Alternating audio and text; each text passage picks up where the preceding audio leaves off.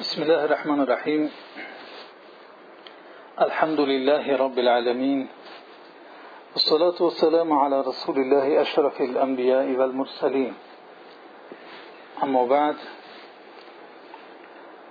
أعوذ بالله من الشيطان الرجيم. بسم الله الرحمن الرحيم.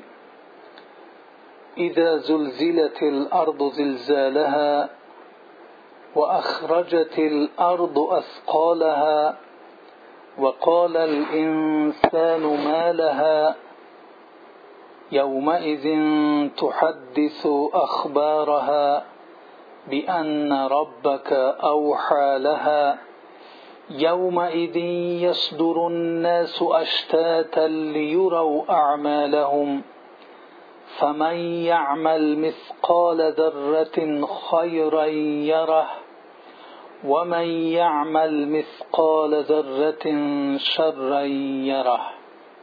صدق الله العظيم.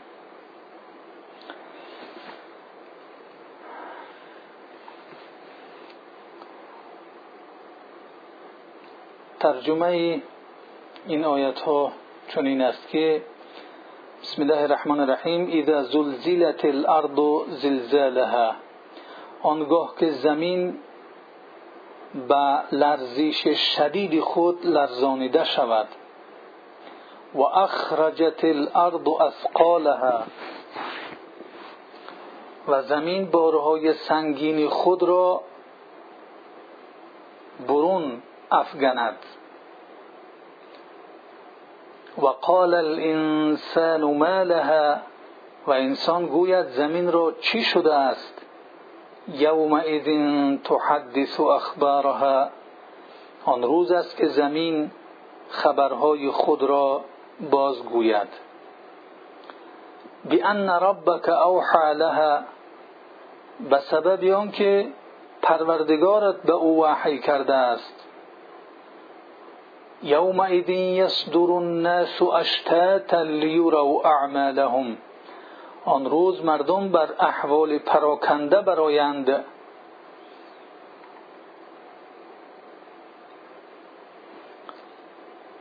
تا اعمالشان به آنان نشان داده شود.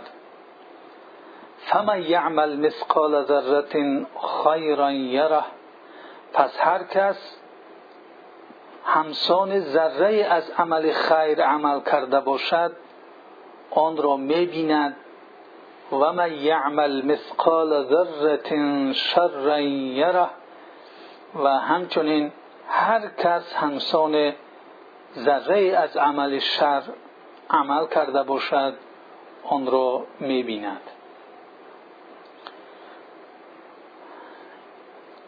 این بود ترجمه آیت های سوره زلزال. سوره زلزله یا زلزال دارای هشت آیت است و در مصاحف با مدنی بودن آن نوشته شده است. ولی در مدنی و مکی بودن آن مفسرین اختلاف دارند. ابن کثیر بر این نظر است که این سوره مکی است و موضوع سوره اسلوب سوره هم دلالت بر مکی بودن آن می‌کند. به هر حال نام این سوره زلزله یا زلزال است و سبب این نام گرفتنش هم آن است که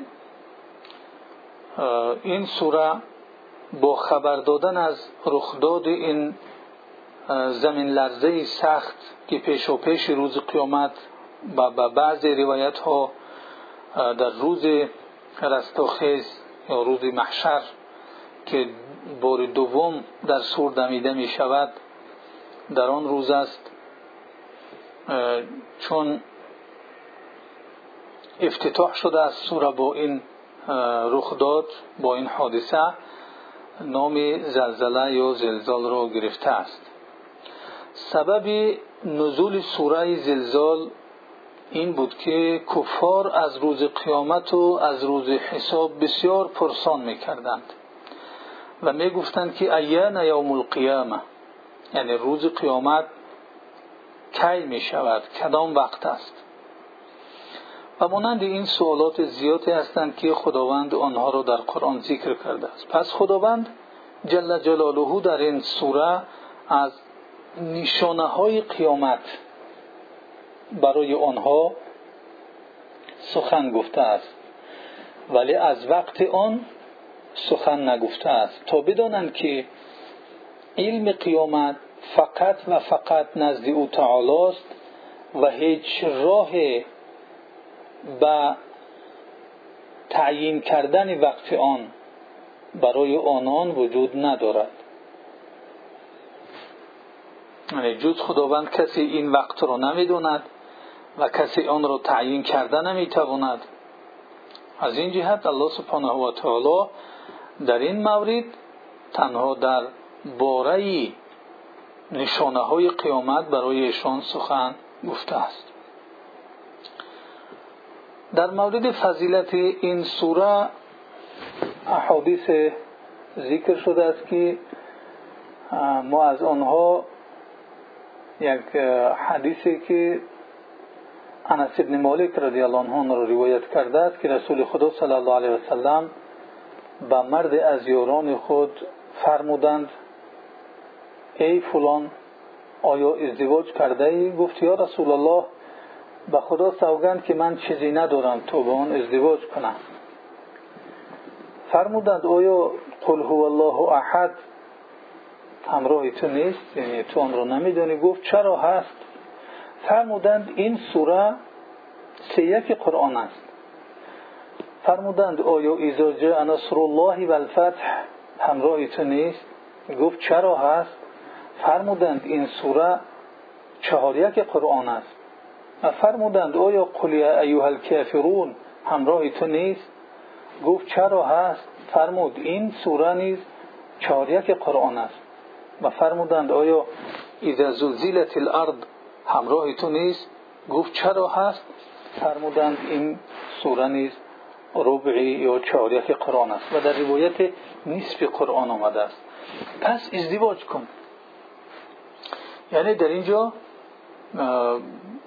در مورد فضیلت این سوره این حدیث رو مفسرین ذکر کردند که یعنی وقتی که انسان مال و منال هم نداشته باشد ولی او چون ثروت قرآنی دارد می‌تواند که ازدواج بکند. ولی مسئله فقهی آن که مهریه چقدر باشد و یکی از شرط های نکاح هست این مسئله فقهی است که در درس های فقه این مسئله حل می شود اذا زلزلت الارض زلزالها آنگاه که زمین بلرزش شدید خود که سختتر از آن زلزله دیگری نیست. یگان زمین لرزه و زمین جنبشی که پیش از این بود مانند آن نیست لرزانیده شود. پس چنان بلرزد چنان تکان بخورد که همه چیزی که بر روی زمین است و هم خود زمین همه در هم شکسته و خورد خورد شود. اشاره این آیه کریمه به زمین لرزه در پایان کار جهان است و به هم خوردن نظم این دنیا هست. همچنانی که در هنگام قیام قیامت خواهد شد. و چگونه گفتیم نظر علما در اینجا باز دوگانه هست که بعضی مفسرین گفتند که این زمین جنبیش همان زمین جنبیش است که در روز قیامت روز دنیا بر هم زدن می شود و دیگر نظری هست که این وقت می شود که بار دوم مردم زنده گردانیده می شوند. و خداوند در عموم در عموم این زلزله رو این زمین جنبش رو نیز در جای دیگر در سوره حج چنین وصف می‌کند که این زلزلت الساعت شیء عظیم.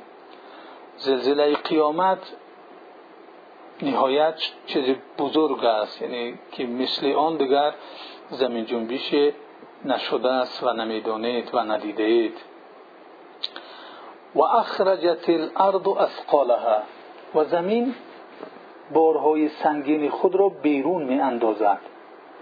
یعنی آنچه را که در شکم خود داشت زمین از مردگان از گنجها دفینه ها اعمال انسان که بر روی اون زمین انجام گرفته بود همه اینها را بیرون می افکند. یعنی هم مرده ها و هم گنج ها و هم دفینه ها هم اعمال انسان که بر روی زمین انجام گرفته بود همه آنها را بیرون می افکند در حدیث شریف روایت از مسلم و ترمیزی از ابو هریره رضی الله عنه آمده است که رسول خدا صلی الله علیه وسلم فرمودند تلقي الأرض أفلاذ كبدها أمثال الأسطوان من الذهب والفضة فيجيء القاتل فيقول في هذا قتلت. ويجيء القاطع فيقول في هذا قطعت رحمي. ويجيء السارق فيقول في هذا قطعت يدي. ثم يدعو يدعونه فلا يأخذون منه شيئا. زمین پاره جگر خود را به مثل ستونهای از تیلا و نقره به بیرون می اندازد پس آن کسی که در دنیا قتل کرده بود یعنی قاتل می آید و می گوید چون اینها را می بیند در راه این یعنی تیلا و نقره آدم کشتم آن کسی که سیله رحم رو کنده است می‌گوید که به خاطر این پیوند خیشاوندی و رحم خود را قطع کردم. دزد می آید و می‌گوید که دست من در راه این قطع شده است. سپس همه آنها آن طلا و نقره را فرو می‌گذارند ترک می‌کنند آن را نمی‌گیرند به آن توجه نمی‌کنند و چیزی از آن نمی‌گیرند.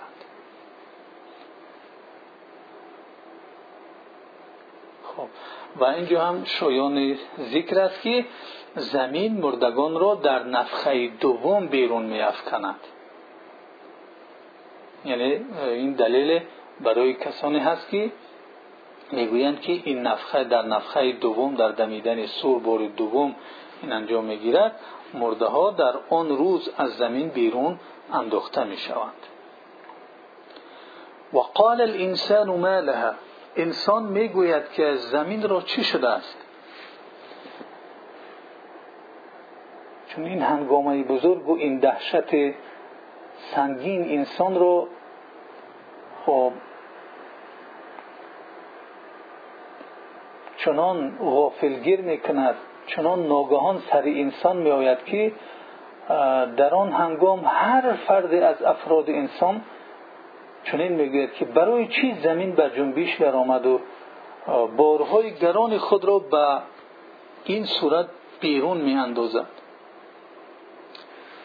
به قول مراد از انسان اینجا بعضی مفسرین گفتند که منظور انسان کافر است.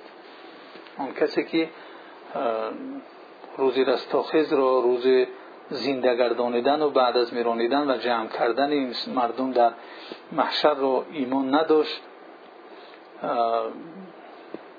اون نفر این سوال را می‌کند و مؤمن باشد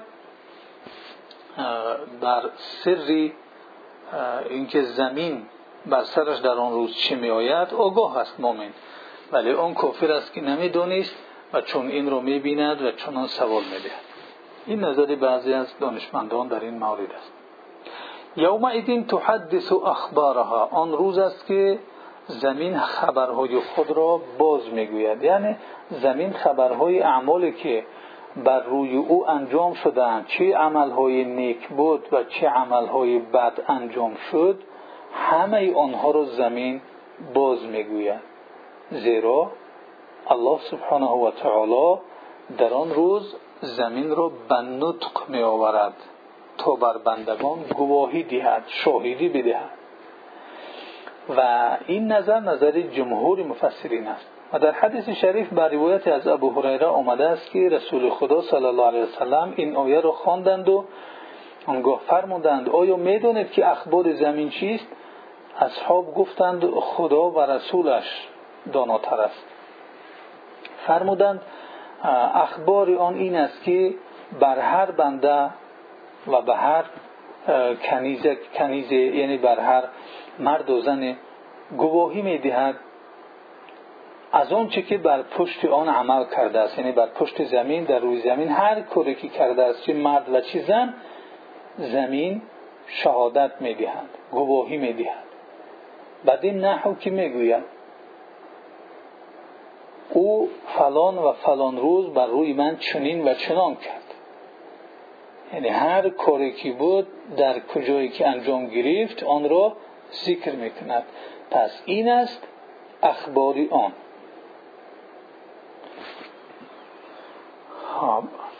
بأن ربك اوحى لها. اینجا سببی سخن گفتن زمین و ذکر کردن عملهای انسان ها ذکر می شود که بأن ربك اوحى لها. به سبب آن که پروردگارت به او وحی کرده است. یعنی زمین اخبار خود را به وحی خدا و به فرمان الله سبحانه و تعالی باز می‌گوید. زیرا خداوند جل جلاله به او فرمان می‌دهد که سخن بگو و گواهی بده. اصلا معنای وحی این الهام است به یک صورت و به یک شیوه پنهانی. خب چون که گفته می شود اوحى له و الیه و له و الیه. یعنی به او پنهانی سخن گفت و به سویش الهام کرد. شکلی که دیگر, دیگر کس آن را نمی شنود یومئذ یستر الناس اشتاتا لیروا اعمالهم. آن روز مردم بر حالت پراکنده برمی آیند یعنی مردم در روز قیامت بر احوال مختلف هستند و پراکنده از گروه خود به سوی موقف موقف حساب بیرون می آیند برخی آنان از مردمانی هستند که امین هستند اطمینان دارند مطمئنند و برخی دیگری از آنها هستند که ترس بین دارند خوف دارند حراس دارند برخی بعضی از آنها به رنگ اهل بهشتند که رنگ سفید دارند چهره های نورانی و منور دارند و بعضی از آنها رنگ اهل دوزخ دارند که رنگ سیاه است خب. بعضی از آنها به سمت راست باز میگردند و بعضی از آنها به سمت چپ. چنانچه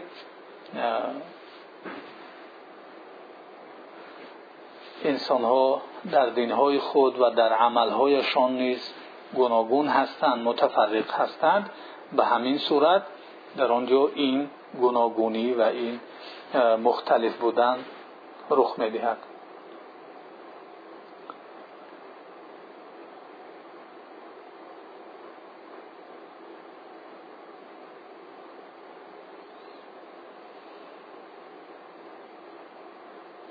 فمن یعمل مثقال ذره خیرا یره پس هر کس در دنیا همسان یک ذره از عمل خیر انجام داده باشد آن را در روز قیامت در نامه اعمال خود می‌بیند که البته آن ثبت گردیده است و بدان شادمان خرسند می شود که می‌بیند آن عملی را که در دنیا انجام داده بود آن ضایع نشده است و نوشته شده است.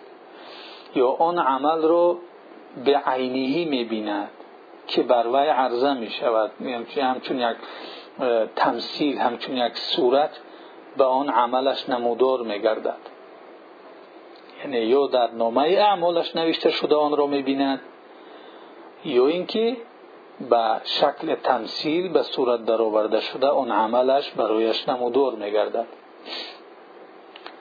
و من یعمل مثقال ذره شرا یره. و همچنین هر کس که در دنیا به مانند یک ذره عمل از عملهای شر انجام داده باشد آن را می‌بیند در روز قیامت. خب. پس این دیدن او را ناراحت و بیقرار میگرداند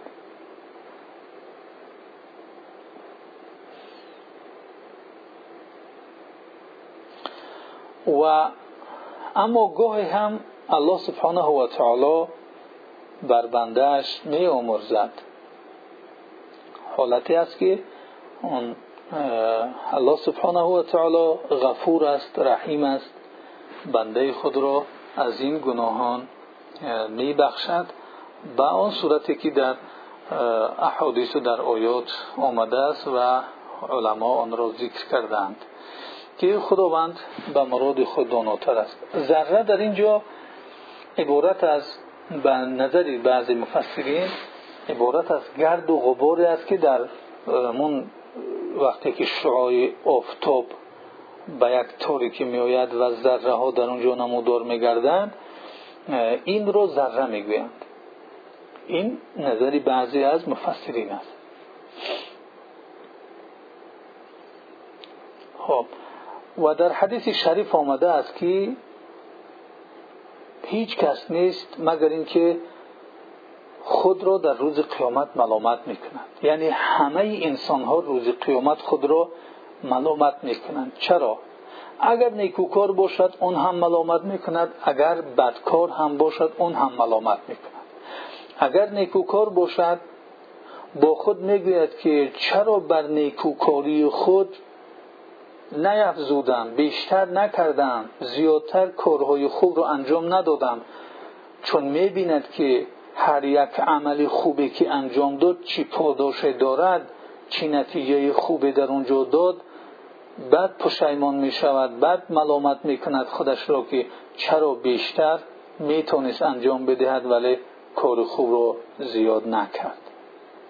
و اگر غیر از این باشد یعنی انسان ناخوب باشد انسان بدکار باشد گناهکار باشد. می‌گوید که چرا از گناهان دست نکشیدم؟ وقتی می‌بیند که اون گناهان چه دهشتی بود است در روز قیامت در برابر خدا ایستادن و به آن گناهان جواب دادن کاری آسان نبوده است. آنگونه که در این دنیا فکر می‌کرد.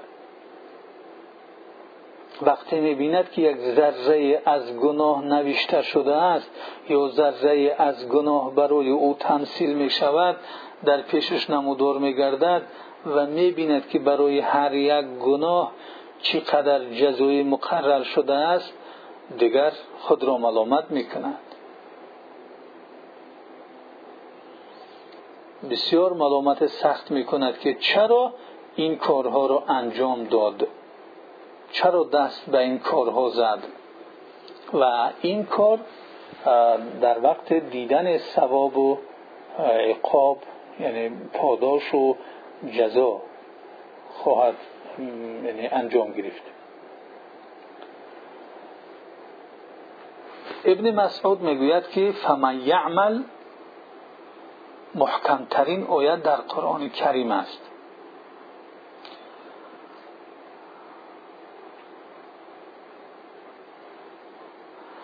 و علما بر این نظرند که این آیت آیت عام است. فراگیر همه انسان ها هست. یعنی چون سببی آن اگر ذکر شده باشد سبب مخصوص هم ولی دلالت آن دلالت عام است که فراگیر همه انسان ها و تا روز قیامت است.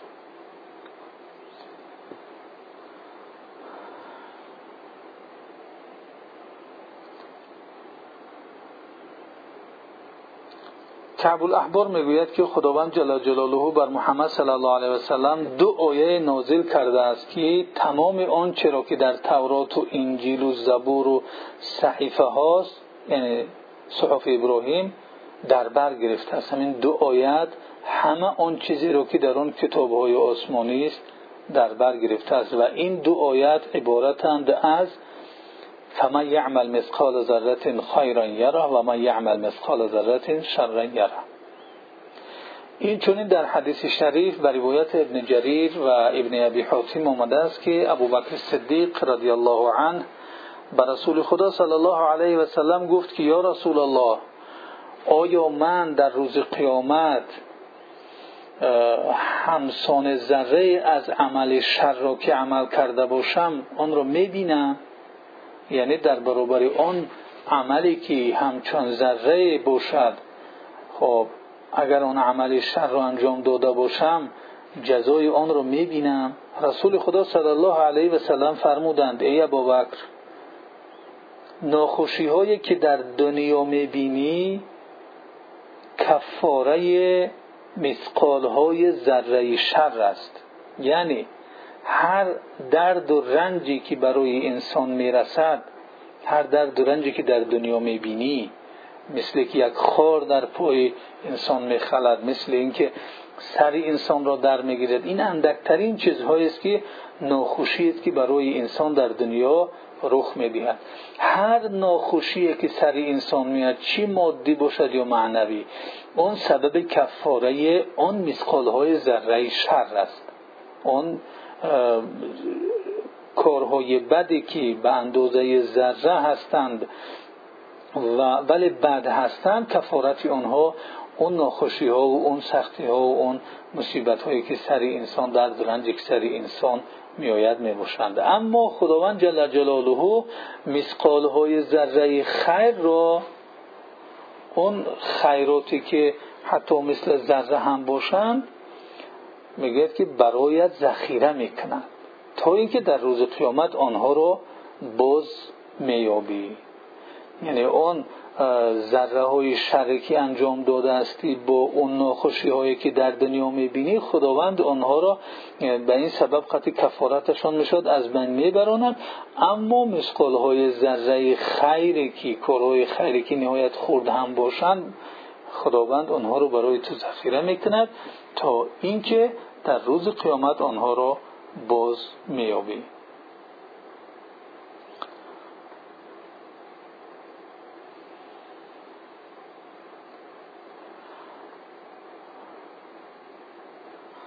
خب این سوره چگونه که گفتیم بسیار یک سوره کوتاه و از سوره های جزئی عامه است و ما در این جز گفته بودیم که این پاره عامه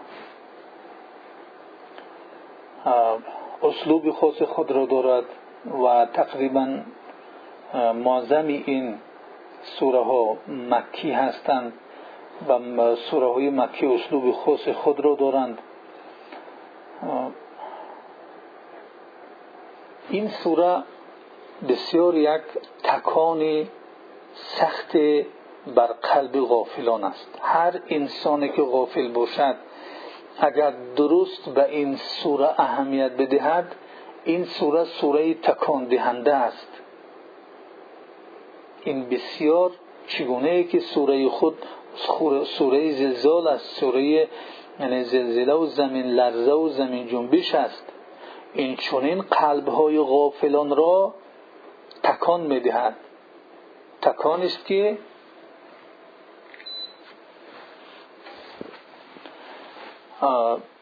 هم موضوع این صورت چنون تکان دهنده است و خود مشهد رو که این سوره بیان می‌کند تکان دهنده است و الفاظ و کلماتی که در اینجا استفاده شدند اینها هم تکان دهنده هستند. بسیار یک فریاد قوی است که هم زمین را بلرزه می درارد و هم کسان و چیزایی که بر بالای زمین هستند. و وقتی که آنها از این تکان دادن از این فریاد به هوش میآیند خود را روبروی حساب روبروی ترازو و میزان روبروی جزا می‌بینند. همه اینها در چند آیت چند جملات کوتاه تصویر شده است. و در حقیقت این صورت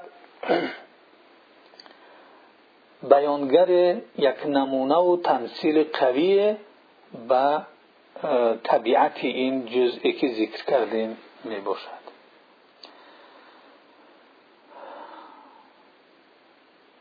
در حقیقت روز قیامت این زلزال و این زمین لرزه رخ می دهد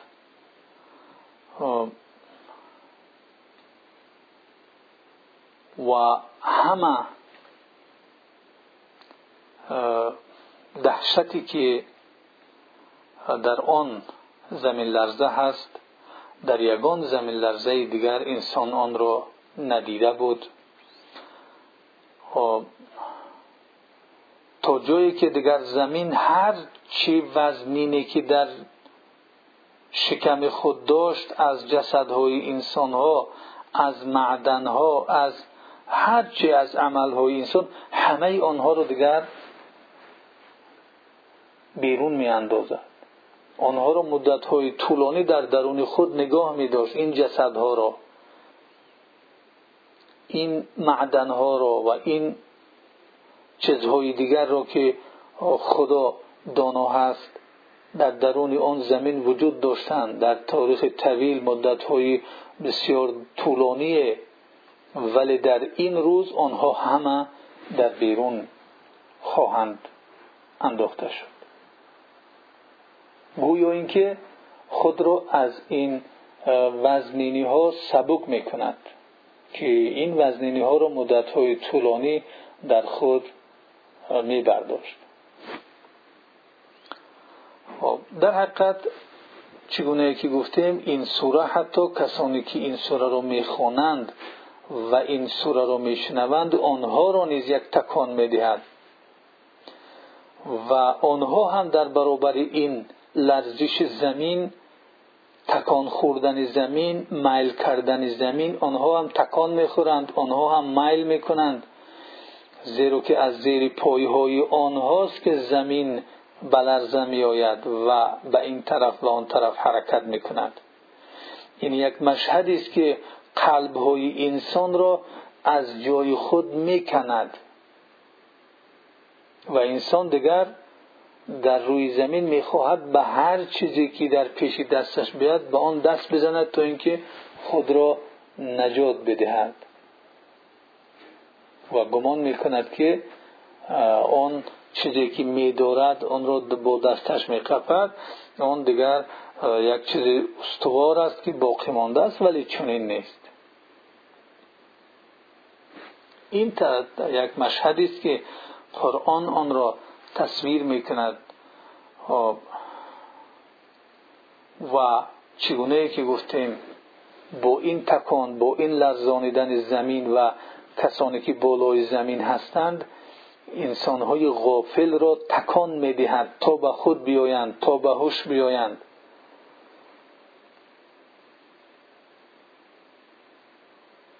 و وقتی که باز در برابر این تصویر در این حالت انسان را ذکر می‌کند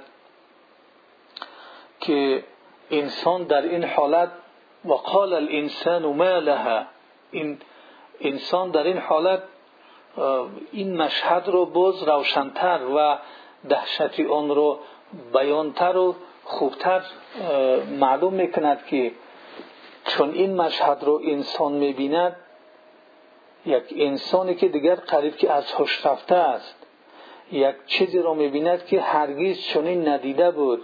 این چیز را درک نمی کرد و در برابر آن صبر کردن نمی تواند حتی سکوت هم کردن نمی تواند که سوال میتید که ما سوال میتید که به این چی شده است؟ چی چیز است که آن را چنین تکان می‌دهد؟ و چنین آنها را زمین را به این طرف و آن طرف میل می‌دهد. به این زمین چی رسیده است؟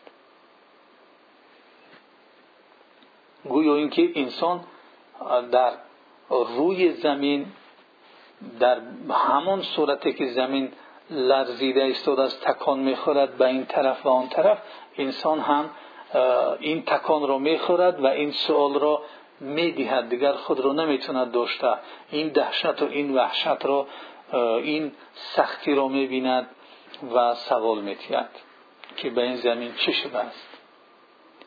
انسان در روی زمین دیده بود بسیار زمین لرزه را بسیار برکان ها را دیده بود پیش از این شنیده بود تصویری آنها را دیده بود. خب ولی آنچه را که در اینجا می‌بیند این از آن چیزهایی که پیش دیده بود از زمین لرزه و از ها که در آن هم ترس و وهم بود در آن هم هلاک و ویرانی ها بود. لیکن وقتی که این زمین لرزه روز قیامت را می‌بیند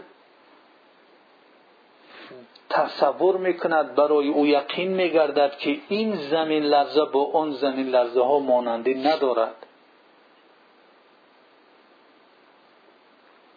بین آن زمین لرزه ها و بین آن برکان هایی که در حیاتی دنیا رخ می‌داد اینها فرق کلان دارند. اینها به هم مانند نیستند.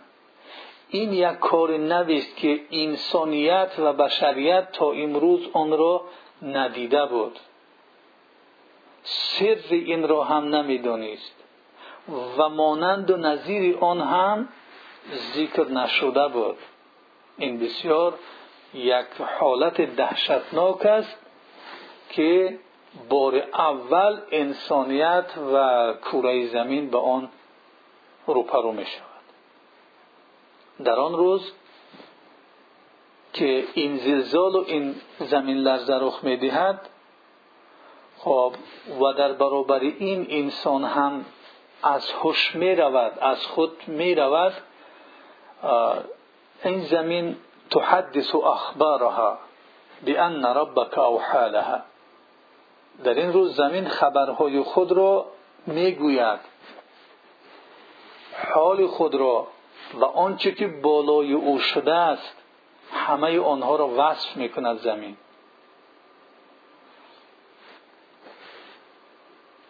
چرا این همه را می‌گوید؟ بان ربک اوحى لها. زیرا که پروردگاری تو به او وحی کرده است. اون رو امر کرده است که چون تکان بخورد. و همه آن بارهای وزنینی که در درون خود از مرده ها و از معدن ها داشت آنها را بیرون بیاندازد. و خبرها را بگوید.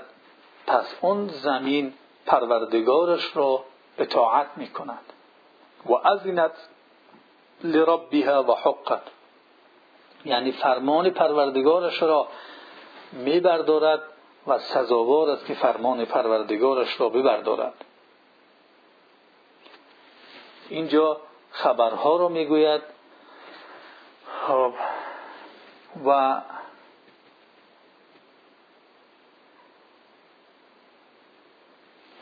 این چگونه که گفتیم در نتیجه امر الله سبحانه و تعالی به زمین است.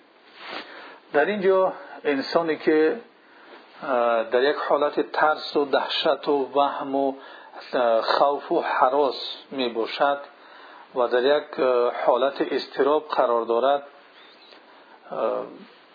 قریب که دیگر به زور نفسهای خود را می تواند که بگیرد چون این سوال می‌کرد که ما لها ما لها به این زمین چی شده است؟ به این زمین چی رخ داده است؟ که در این حالت به مشهد دیگر حشر یعنی جمع شدن انسان ها و حساب و وزن و جزا رو پرو می شود یوم ایدی یستر الانسان و اشتاتا لیورا و اعمالهم فمن یعمل مثقال ذره خیرا یره و من یعمل مثقال ذره شرا یره. در یک چشم زدن در یک مژده زدن مشهد قیامت را می‌بیند. از قبر به قیامت. یعنی در یک آن کوتاه این چیز رخ می‌دهد. یوم ایدین یستر الناس اشتاتا. ما می‌بینیم که این مشهد آنها را که مردم گروه گروه از همه اطراف زمین جمع می‌شوند. که انهم جراد و منتشر گویا این که آنها ملخهای منتشر و پریشان می باشند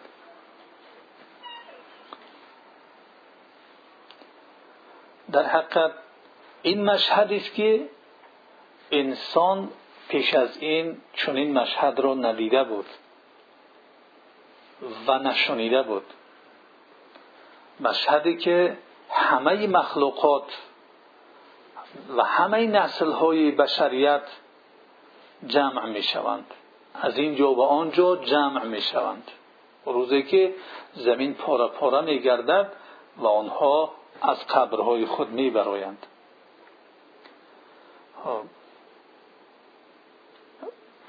و آنها دیگر به یگان طرف میل نمی کنند به یگان طرف نظر نمی کنند نه به پشت خود نه به اطراف خود. بلکه با سرخم با چشم هایی که نگران هست آنها حاضر می شوند لکل امرئ منهم یومئذ شأن یغنی. هر یک انسانی از آنها در این روز کار دارد که او را مشغول می سازد این بسیار مشهد دهشتناک است که یگان کلمه نمی‌تواند آن را وصف بکند. یعنی بسیار بیمناک ترسناک دهشتناک حولناک همه این کلمه ها نمی‌توانند آن وصف آن روز را بکنند. که اون همه اینهایی که میگیم اینها یک صفت است که از این بالاتر از آن دهشت روزی قیامت و آن چیزی که رخ می‌دهد و مردم گروه گروه همه نسل های بشریت جمع می شوند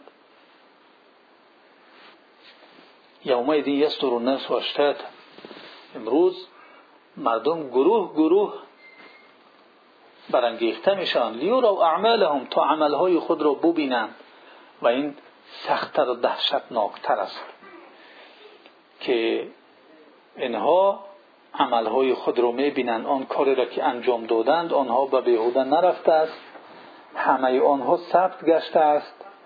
همه آنها همه آنها در نامه اعمالشان ذکر گردیده است. و برای انسان بسیار و بسیار سخت است. وقتی که می‌بیند که عمل او به پیشش میآید یا عمل او نوشته شده است او را تذکر می‌دهند به کاری که انجام داده است. چگونه که اون حدیث را ذکر کردیم همه خود را ملامت می‌کنند. زیرا که عملها را در پیش خود می‌بینند. آن کسی که کار خوب انجام داد اون می‌داند که از این بیشتر می‌تونست که کار خوب انجام بدهد. از این رو خود را ملامت می‌کند که چرا بیشتر نکردم و آن کسی که کار خوب نکرد بلکه کار بد انجام داد اون کس می‌داند که اون هم شرایط داشت که کار بد انجام ندهد و کار خوب انجام بدهد. ولی این کار را نکرد. اون هم پشیمان است و خود را ملامت می‌کند. برای این اگر این عمل ها به پیش آنها پیشکش نمی‌شد این برایشان آسانتر بود. ولی این دهشتناکتر است این وزنینتر است وقتی که به پیش انسان عملهایش پیشنهاد میگردد و می‌بیند که اونقدر فرصتی را که اونقدر شرایطی را که خداوند برای انسان داده بود این خیرهایی که انجام داده است کارهای نیکی که در دنیا کرده است از این هم بیشتر کارهای خوب کرده می توانست ولی نکرد. و اون دیگر چون کار شر کار بد انجام داده است یعنی می‌داند که می‌تونست که از این کارهای بد دست بکشد و به این کارها نزدیک نشود و تنها کارهای نیک در حیات خود انجام بدهد. در مورد ذره مفسرین مفسران گذشته با پشه خورد آنها را تفسیر کرده بودند. فما یعمل مثقال ذره خیرا یره و ما یعمل مثقال ذره شر یره آن ذره را به یک حشرات های خورد وصف می‌کردند که همچون ذره آن را می‌دیدند. یا اینکه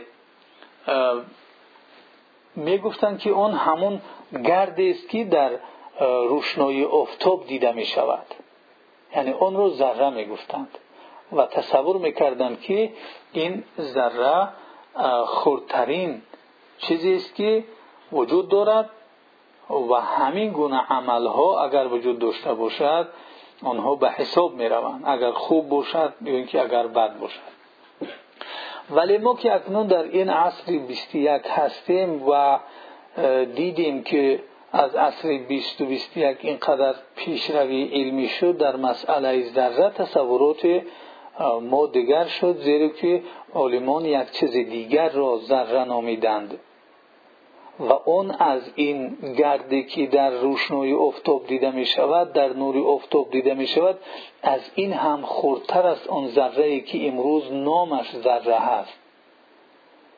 و آن ذره که نامش ذره هست و عالمان امروز به او رسیدن در نتیجه کشفیات علمی به چشم عادی دیده نمی شود.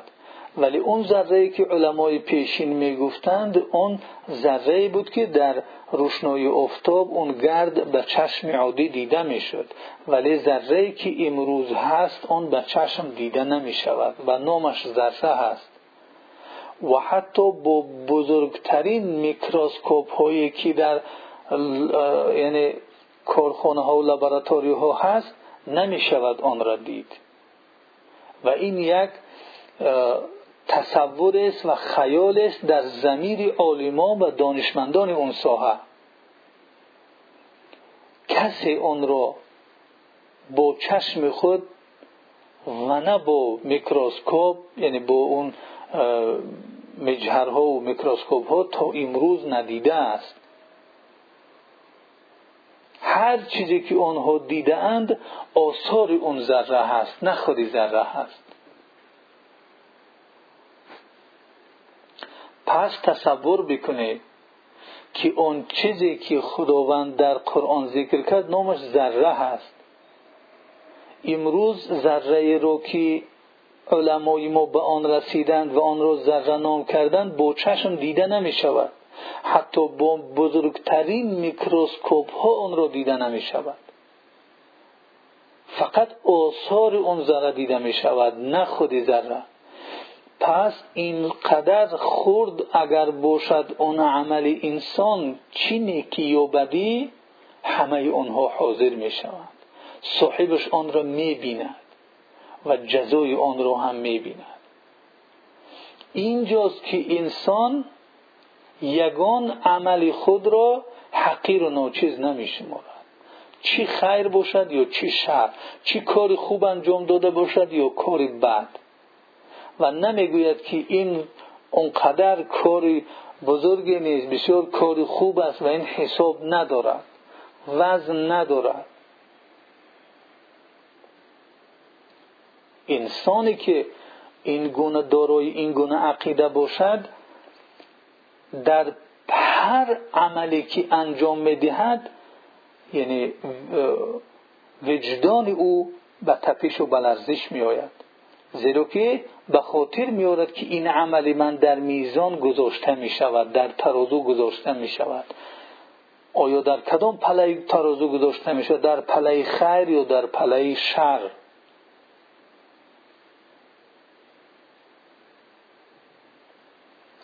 این گونه ترازو در این دنیا وجود ندارد مگر در قلب مؤمن. در دنیا چنین ترازویی که ذره را بسنجد و چین بکند و وزن اون رو معین بکند وجود ندارد ولی این ترازو در قلب مؤمن هست.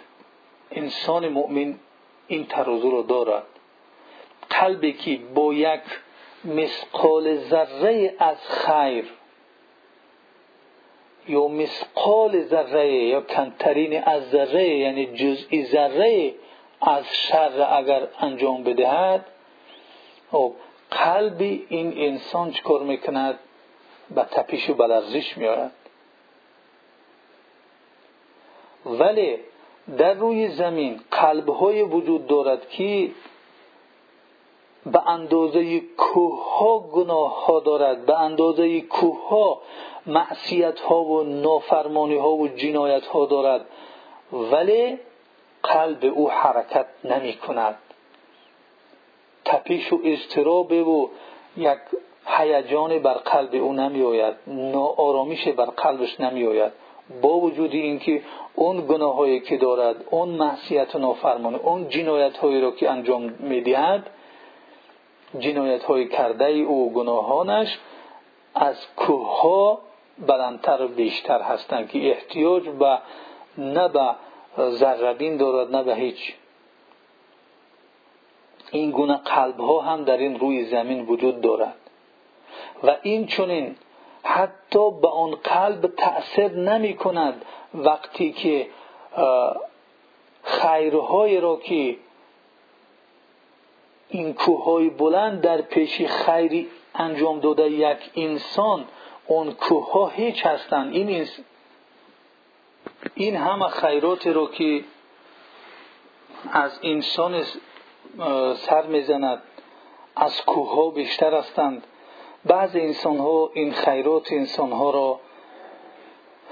بین می‌برند. آنها را در نظر نمی‌گیرند و قلب آنها متأثر هم نمی شود یعنی قلب وجود دارد که دارای اینقدر گناه و معصیت و جنایت هاست و به حرکت نمی آید در برابری که از کوه بلندتر هستند این گناه هاشون و انسان دیگری هست که چنان خیر زیاد دارد که این کوههای بلند در پیش خیراتش هیچی هستند. ولی بعض انسان ها این خیرات را اصلا در نظر نمی‌گیرند و آنها را از بین می‌برند و نادیده می‌گیرند و قلبشون متاثر نمی شود پس این قلب ها قلب هایی هستند که در این روی زمین کار نمی کنند آنها ویران شدگی هستند. قلب هستند که احتیاج به اصلاح دارند و تا روز قیامت آنها به این حالت اگر برنگردند در حالت ویرانی می و کسی که این میزان را شناخت و فهمید چگونه یکی از اصحاب کرام اومد گفت یا رسول الله مرا پند بده و کوتاه بگو. چون پیامبر صلی الله علیه و سلم این سوره رو مخصوصا آیت فما یعمل مثقال ذره خیرا یره و ما یعمل مثقال ذره شرا یره رو به او می‌گوید. اون می‌گوید که کفایه است بسنده است. یعنی اون دیگر به این معنا که فهمید که مسئله چیست. پیامبر صلی الله علیه وسلم گفت که این انسان فهمید. یعنی حقیقت دین رو دین اسلام رو این حقیقت رو فهمید. در یک دو آیت از این سوره زلزال. به این صورت کسی که این سوره رو فهمید کسی که در قلب او این مفهوم ها جای گرفت در حقیقت آن انسان مسئولیت شناس است. و هر کاری را که انجام می‌دهد مسئولیت شناسانه کار انجام می‌دهد. ولی کسی که از دست او کار بد سر می‌زند و در انجام دادن کار بد قلب او پروای نمی کند معلوم است که در قلب او این صورت تأثیر نکرده است. مفهوم این صورت در قلب او در حیات او جای ندارد. و لازم است که آن قلب بیمار اصلاح شود معالجه شود تا اینکه انسان مسئولیت شناس شود و بداند که هر عملی را که انجام می‌دهد چی بد است و چی نیک است. اینها از بین نمی روند اینها نوشته می شوند و همه آنها در پیشگاه خداوند عرض می گردند و تمام خلایق آنها را می بیند و الله سبحانه و تعالی در برابر آن عملهایش انسان را اگر سزاواری پاداش نیک باشد پاداش نیکش می‌دهد و اگر سزاوار جزا باشد به عدلش آن را یعنی جزا می‌دهد.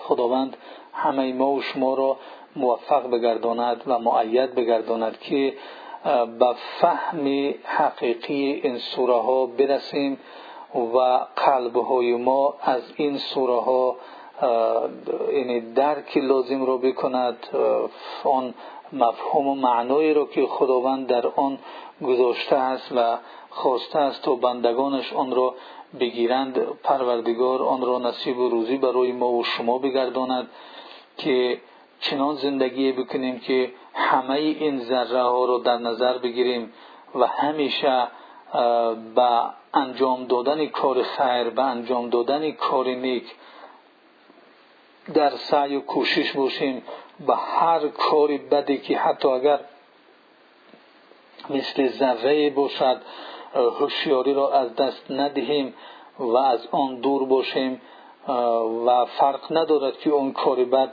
به طرف کی مواجه شده است به طرف کی سفربر شده است. ولی مهم این است که ما در برابر آن کاری بده که اگر از دستمان سر زد جواب می‌دهیم. از این رو از این معصیت از این نافرمانی ها از این گناهان و از این جنایت ها حتی مثل ذره هم باشد دور باشیم. به خداوند قوت و قدرت برای ما عطا فرماید که دست به نیکی بزنیم. حتی مثل ذره باشد.